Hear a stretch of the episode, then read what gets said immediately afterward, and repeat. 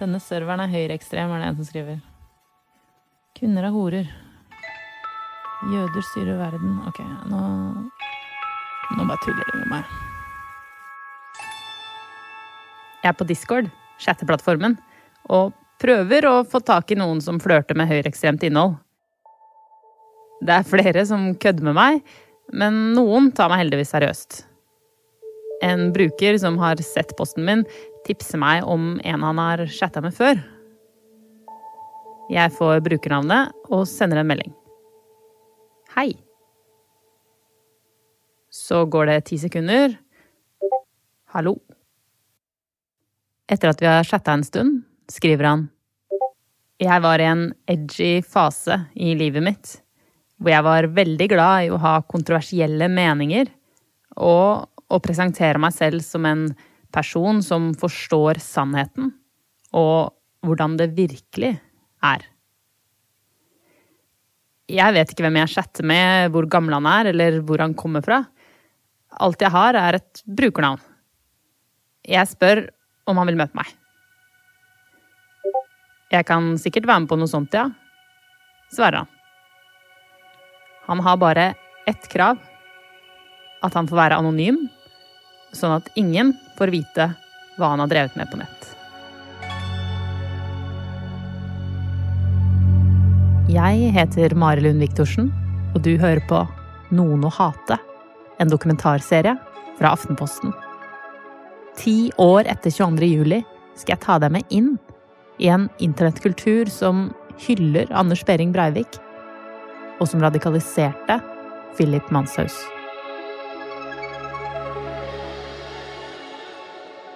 Episode tre En mann som mister alt, er en farlig mann.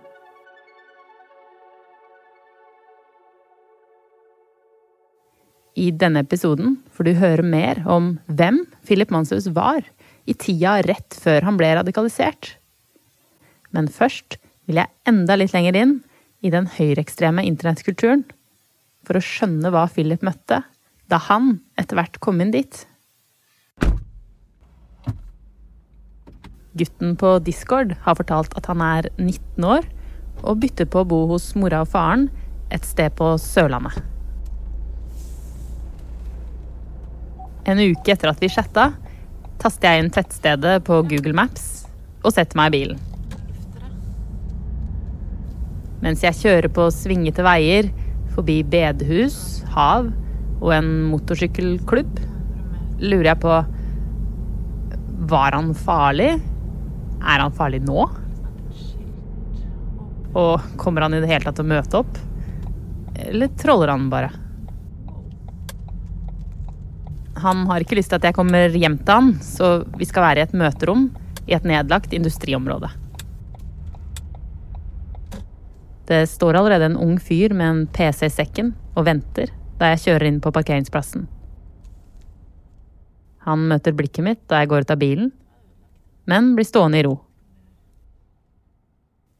Jeg går bort til han, og sammen går vi inn i bygget. Vil du ha mat? Jeg kan sikkert det, ja. Vi setter oss i det lille rommet jeg har fått låne. Han takker ja til pizza og en cola, og venter på at jeg skal starte samtalen. Jeg kommer til å kalle han Robin. Ok, men Jeg spør Robin om vi kan spole tida tilbake hvor gammel var du da du til da det starta. Nei, 13-14, noe sånt. Hvem var du da? Hvordan vil du beskrive deg selv?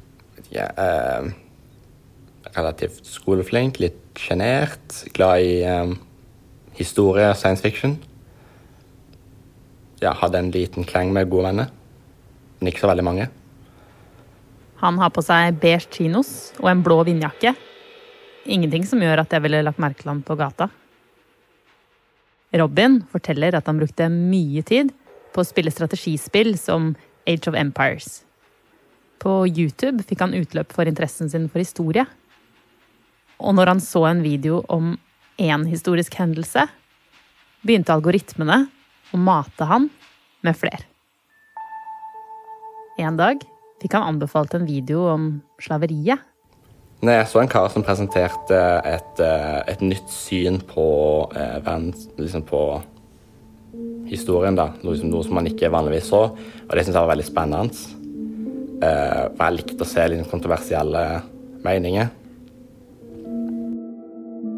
YouTube-kanalen han så på, het Diakonoclast, En kanal med over 200 000 abonnenter. Kanalen er kjent for å ha formidla hat mot mørkhudede, muslimer og jøder. Og han hørtes veldig selvsikker ut i stemmen sin og sånt når han snakka. Robin forteller at budskapet var at hvite folk kom til å bli erstatta av innvandrere. Jeg likte å få eh, nye perspektiver, og så bare blir jeg veldig lett påvirka. Sånne videoer så også Philip Manshaus i starten av sin radikaliseringsprosess.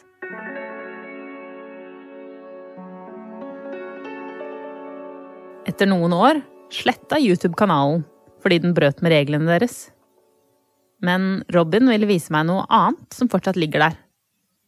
Han tar opp PC-en fra sekken og trykker seg inn på en video fra kanalen PragerU.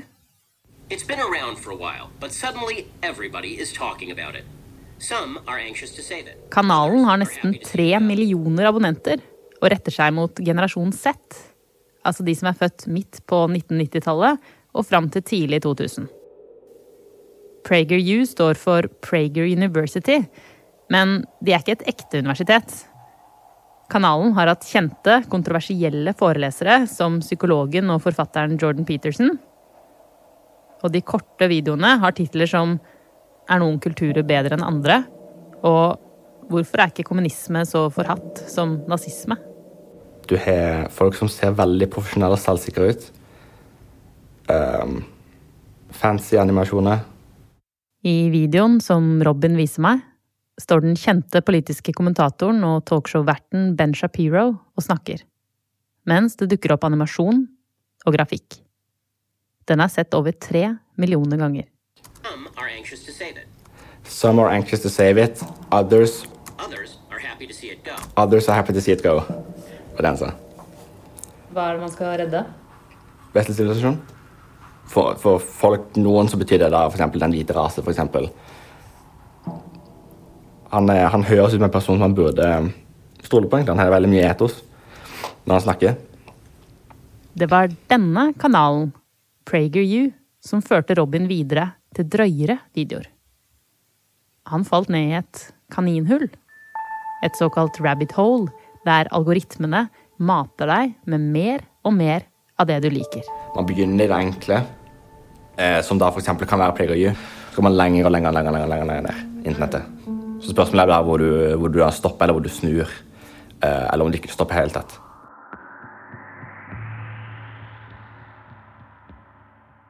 Akkurat hva mer han så av drøye videoer, ville han ikke snakke om.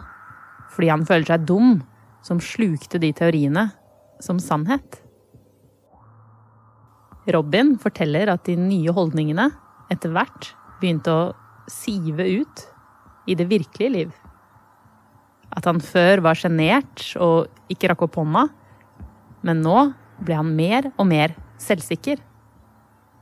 Fra første rad i klasserommet begynte han å gi læreren motstand. Vi hadde altså de, de, demografi som befolkningslære. Vi hadde hovedsakelig et par timer om eh, hvordan folk i utlandet blir veldig sånn underbetalt. Eh, blant annet i Etiopia og Kina for å produsere billig tøy til oss, slik at vi kan ha ting billig. Um, men jeg rakk iallfall opp hånda og sa at uh, noe må være på bunnen, så det kan like gjerne være de. De andre elevene reagerte på det Robin sa. Og så var det ei som eh, snakket tilbake til meg som sa at jeg tror ikke du hadde sagt det hvis du var en av de som var der nede. Hvor jeg da svarte med um, så greit at det ikke er det. Han forteller at det skjedde igjen, i andre timer. Som da de snakka om det amerikanske urfolket og alkoholproblemer. Hvor jeg da rakk opp hånda, og så i klassen sa liksom at uh, at ikke de er noe problem der de har like rettigheter, det er deres egen feil at de har de problemene, sånne ting. Robin var på vei lenger og lenger ned i kaninhullet.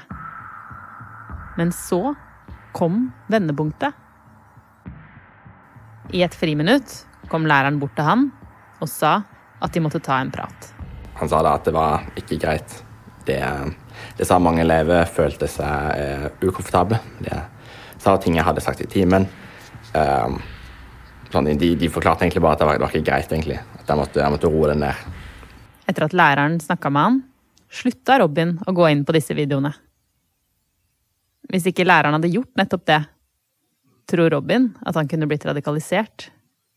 Det var liksom, jeg var liksom ikke nynazist, for å si det sånn. Um, men jeg var definitivt på, på vei, og det kunne ha gått lenger.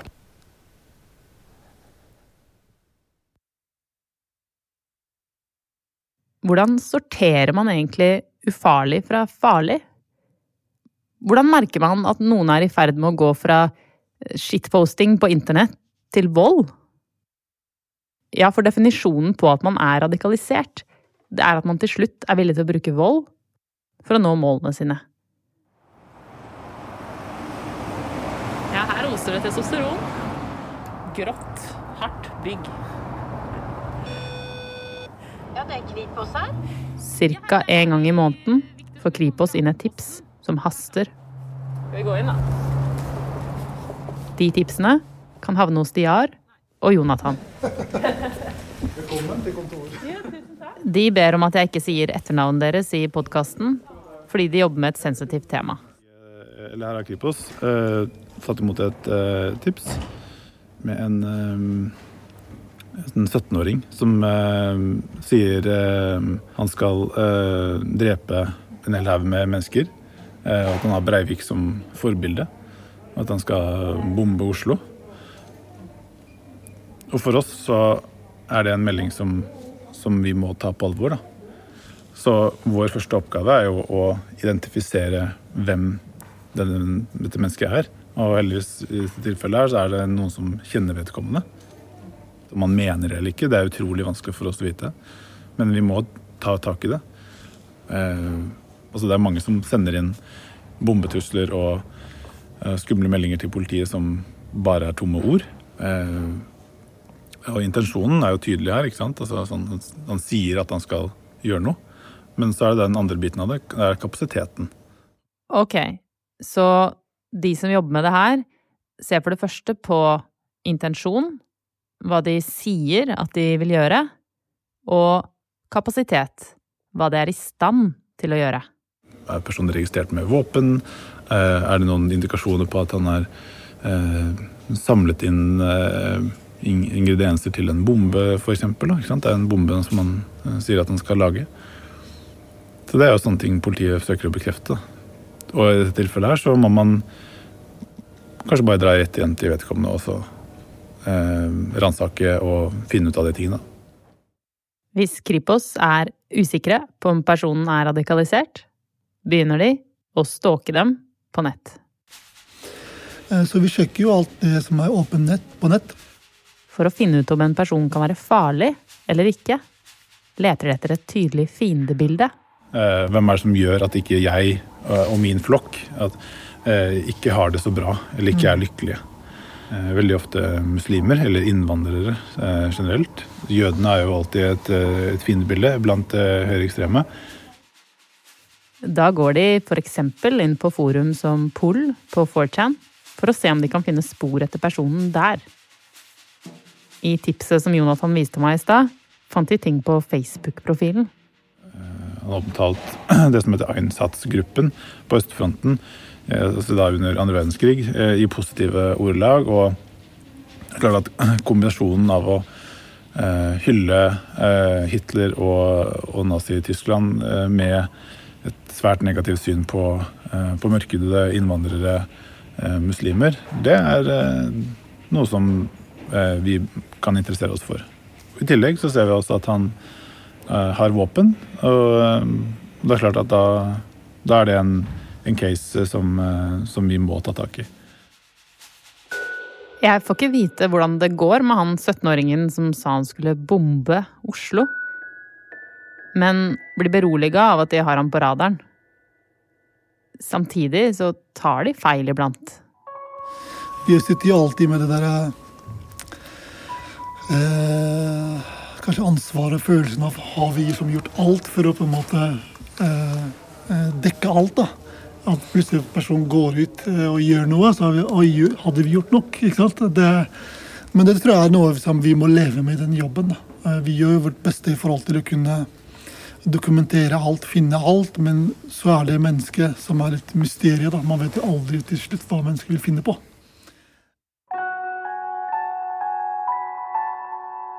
Ikke alle tipsene om folk som kan være radikalisert, havner hos Kripos eller PST. Noen havner i innboksen til skribent Lasse Josefsen. Han drittsekken på nett som ble ekspert på sinte unge menn. Okay. Lasse sier at jeg kan beholde skoa på. På gulvet i kollektivet er det vått etter at en vannkoker har velta. Og under føttene mine knaser det i glasset fra et bilde som har falt ned. Er du stressa? Veldig. Ja, det er det. Det lukter innestengt. For første gang på en måned ruller Lasse opp rullegardina. Han forteller at han ikke har sovet på en stund, for han må bli ferdig med et foredrag om inceller. Menn som ikke får seg et ligg eller kjæreste, og som finner sammen i felles hat på nett. Men uh, hvor mye har du sovet i natt, da? Ingenting. Ingenting? Nei. Jeg så, jeg så på dagen i går. Ok, så nå har du holdt det gående i hvor mange timer? Uh, nei, jeg vet ikke. Jeg, det, det har jeg ikke holdt på. Jeg tør ikke tenke på det engang. Så når skal du legge deg? Jeg tenkte når dere går, så kommer jeg til å kollapse på sofaen her. Lasse var jo i mange år i et miljø på nett der de hata alt og alle. Og derfor blir han kontakta av folk som kjenner noen de er bekymra for. Mange av dem er lærere. De lurer på om en elev er på vei dit Lasse var. Eller kanskje lenger. Eh, De snakker om elever som eh, plutselig kan uttale helt horrible ting om eh, muslimer, om jøder og sånne ting. Og som begynner å snakke om chads og, og En Chad er alfahannen. Den mannen som alle damer visstnok vil ligge med. Her er altså en bruddstykke fra en melding jeg fikk fra en bekymra lærer. Eh, Han er elev som begynte å legge merke til visse eh, buzzwords, visse ord, som ga eh, antydninger om at det, her var en som har kommet inn i liksom reaksjonær nettkultur. For ikke at videre går jo meldinga sånn som her. Jeg har snakket med kontaktlærer og elevassistent i dag. Og de sa at fyren har et visst apparat rundt seg med barnevern og hele pakka. Elevassistent sa at gutten hadde googlet mye rart og snakket mye om våpen og sprengstoff osv. Mm. Eh, så ja, nå får jeg ikke alle detaljene fra han, og så er det andre detaljer som er utelatt eh, her. Mm. Men ja, du forstår greia. Det er en bekymringsmelding, da. Men Hva, hva tenkte du da du fikk den meldinga? Nei, jeg har jo svart han her, da. Eh, Oi, høres ut som en som er i faresonen. Hvor gammel er han? Eh, så svarer han at eh, ja, 16-17 eller 17-18 rundt der. Mm. Jeg kan, kan godt forstå at han blir bekymra. Ja, både det med våpen og chads i samme Høres ikke helt bra ut, sånn, tenker du. Nei, altså det her er jo fra før eh, subkultur som, som på en måte dyrker de her skoleskyterne. Mm. Eh, og ja, eh, som vil, som vil uh, skyte ned de her populære kidsa, blant annet. Mm. Så, så det er ikke akkurat noe betryggende.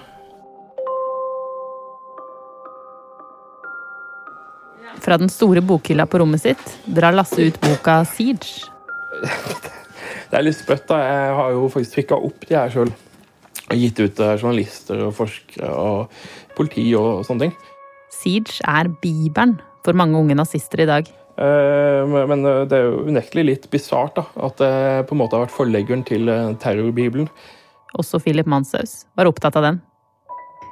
Da politiet sjekka Mac-en og mobilen hans, så de at han hadde søkt på Siege og Siege Culture. Han hadde også søkt etter en PDF-versjon av boka. Eh, Men det her er iallfall den som på en måte er obligatorisk for akselerasjonistene.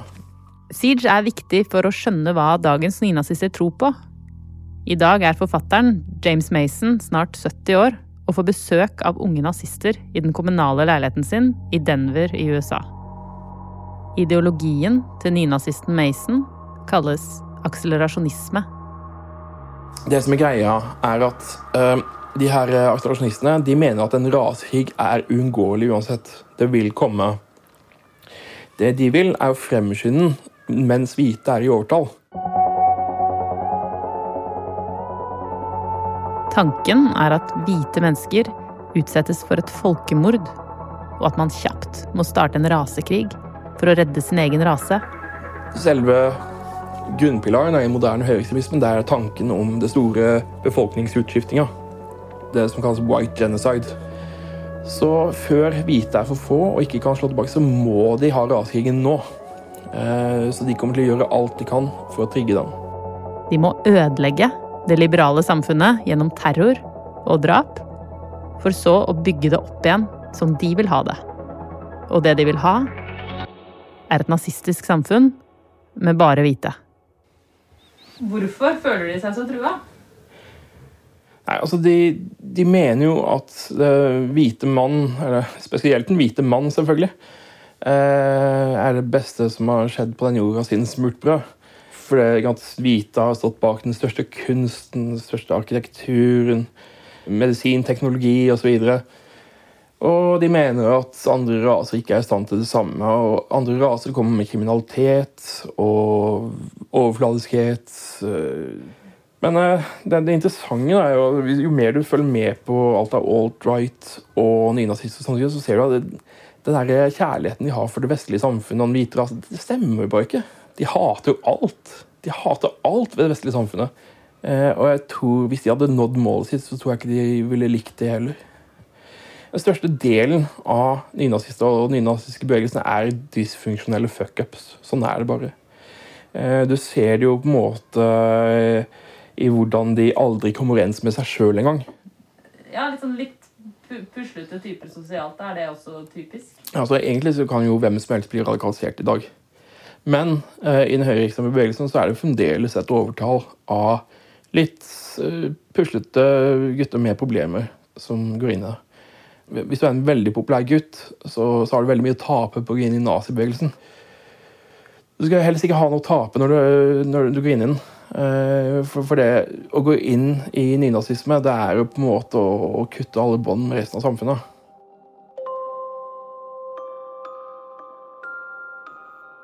Flere av dem som er en del av den terrorstafetten etter 22.07.2011, er akselerasjonister. Også Philip Manshaus var det. Det var disse ideene som fikk dem til å gå inn i moskeer, synagoger, kjøpesentre og en kirke for å drepe. Hvem er det som får seg til å gjøre noe sånt?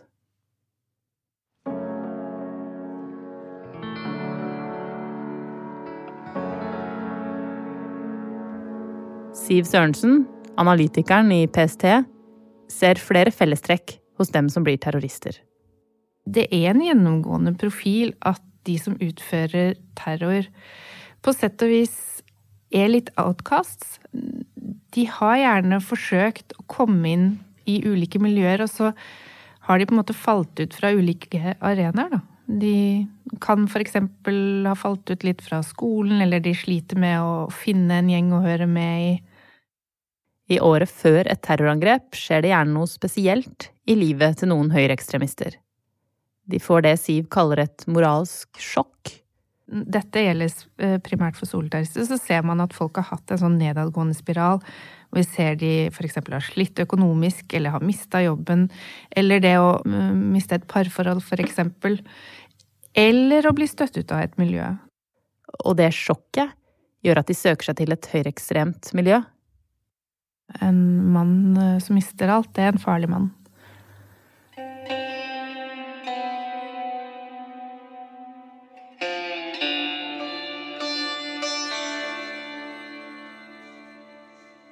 Philip Manshaus gikk på videregående, mens flere av angrepene i terrorstafetten skjedde ute i verden. Da han begynte på Oslo by Steinerskole i 2013, var det ennå ingen tegn til at han skulle bli radikalisert. Han var en lys og glad type. Rett ved Oslo by Steinerskole så ligger det en veldig stor kirkegård som heter Vår Frelsers gravlund. Philip og Kristine ble kjent da de var 16 år gamle og begynte i samme klasse på videregående. Hun og Philip pleide å gå hit i friminuttene, og da de fikk maleoppgaver på skolen. Og da tok vi med oss tegnesaker og penn og papir, og så gikk vi hit, og så, og så fikk vi tegnet og malt i fred og ro. De pleide å ligge på det grønne gresset, mellom gravene til kjente nordmenn som Munch, Wergeland og Prøysen. Jeg husker liksom ikke helt hva vi pratet om. Det var mer sånn å diskutere for å diskutere. at det var gøy. Sånn at det var jo bare for å få sjekket på en måte at argumentene vi brukte, kunne ses fra andre sider, da. Philip ble den første ordentlige vennen til Kristine. Hun hadde skifta skole fra en annen videregående fordi hun ikke følte hun passa inn der. Akkurat da så trengte jeg å være i et miljø hvor folk var åpne. Og jeg følte jo egentlig at Philip var den som var mest åpen av alle. Når hun tenker tilbake på det, ser hun Philip for seg. Eh, Han hadde sixpence og briller. Um, og så han, var han jo veldig opptatt av å trene og spise sunt, så han var jo veltrent. Kristine beskriver Philip som klumsete og morsom. Det var En gang så gikk vi hjem fra uh, Oslo by Steinerskole. Jeg husker at vi var ved Nationaltheatret, og da gikk han baklengs mens han sang, og så falt han over et skilt. Det er liksom Og hvordan reagerte han da da han falt? Var, liksom, vi var kanskje tre stykker til som bare knakk sammen. Ble aldri sur. Han hadde masse selvironi og ikke noe sånn veldig selvhøytidelig eller noe sånt. Veldig rar fyr. Men det var jo det som var fint med han.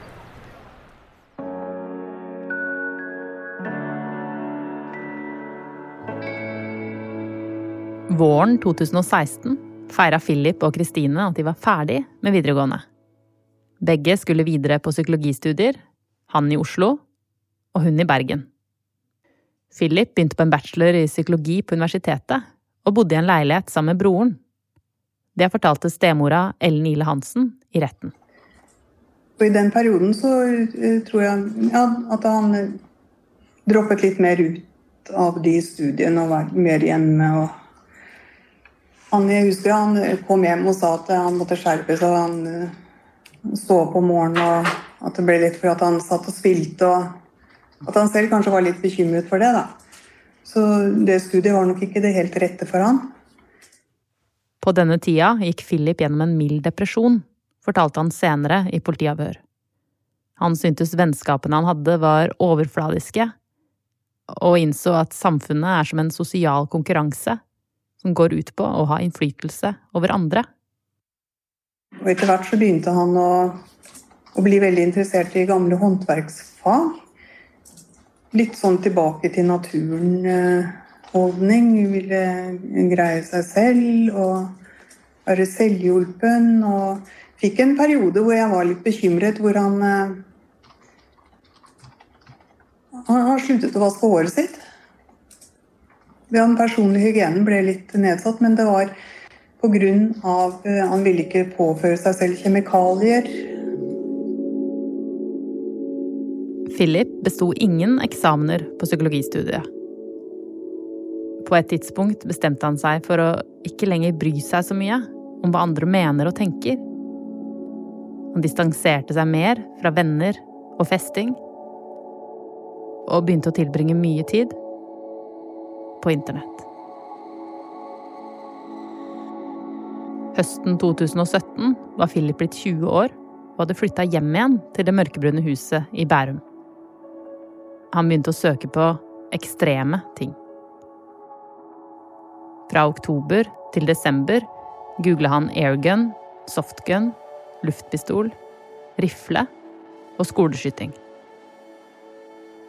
Han søkte også på Sandy Hook-massakren fra 2012, der 20 elever og 6 lærere ble skutt på en skole i USA.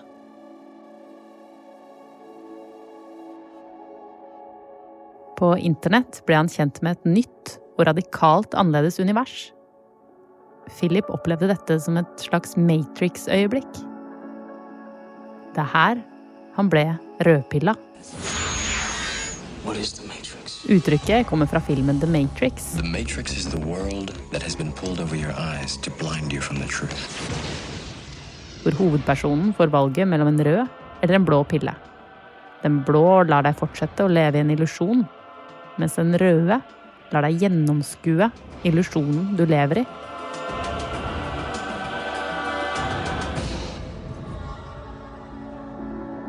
Uttrykket rødpilla brukes av hvite rasister for å beskrive at de har gjennomskua en falsk fortelling om at rasisme er galt, og at alle raser er like mye verdt.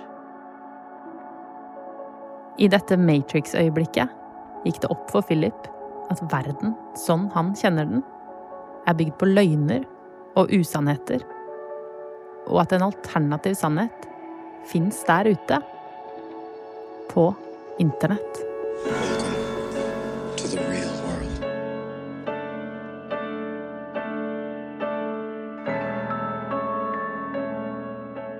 Du har hørt tredje episode av serien Noen å hate fra Aftenposten.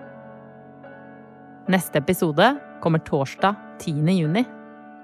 Vil du høre hele serien med en gang, gå til ap.no skråstrek hate.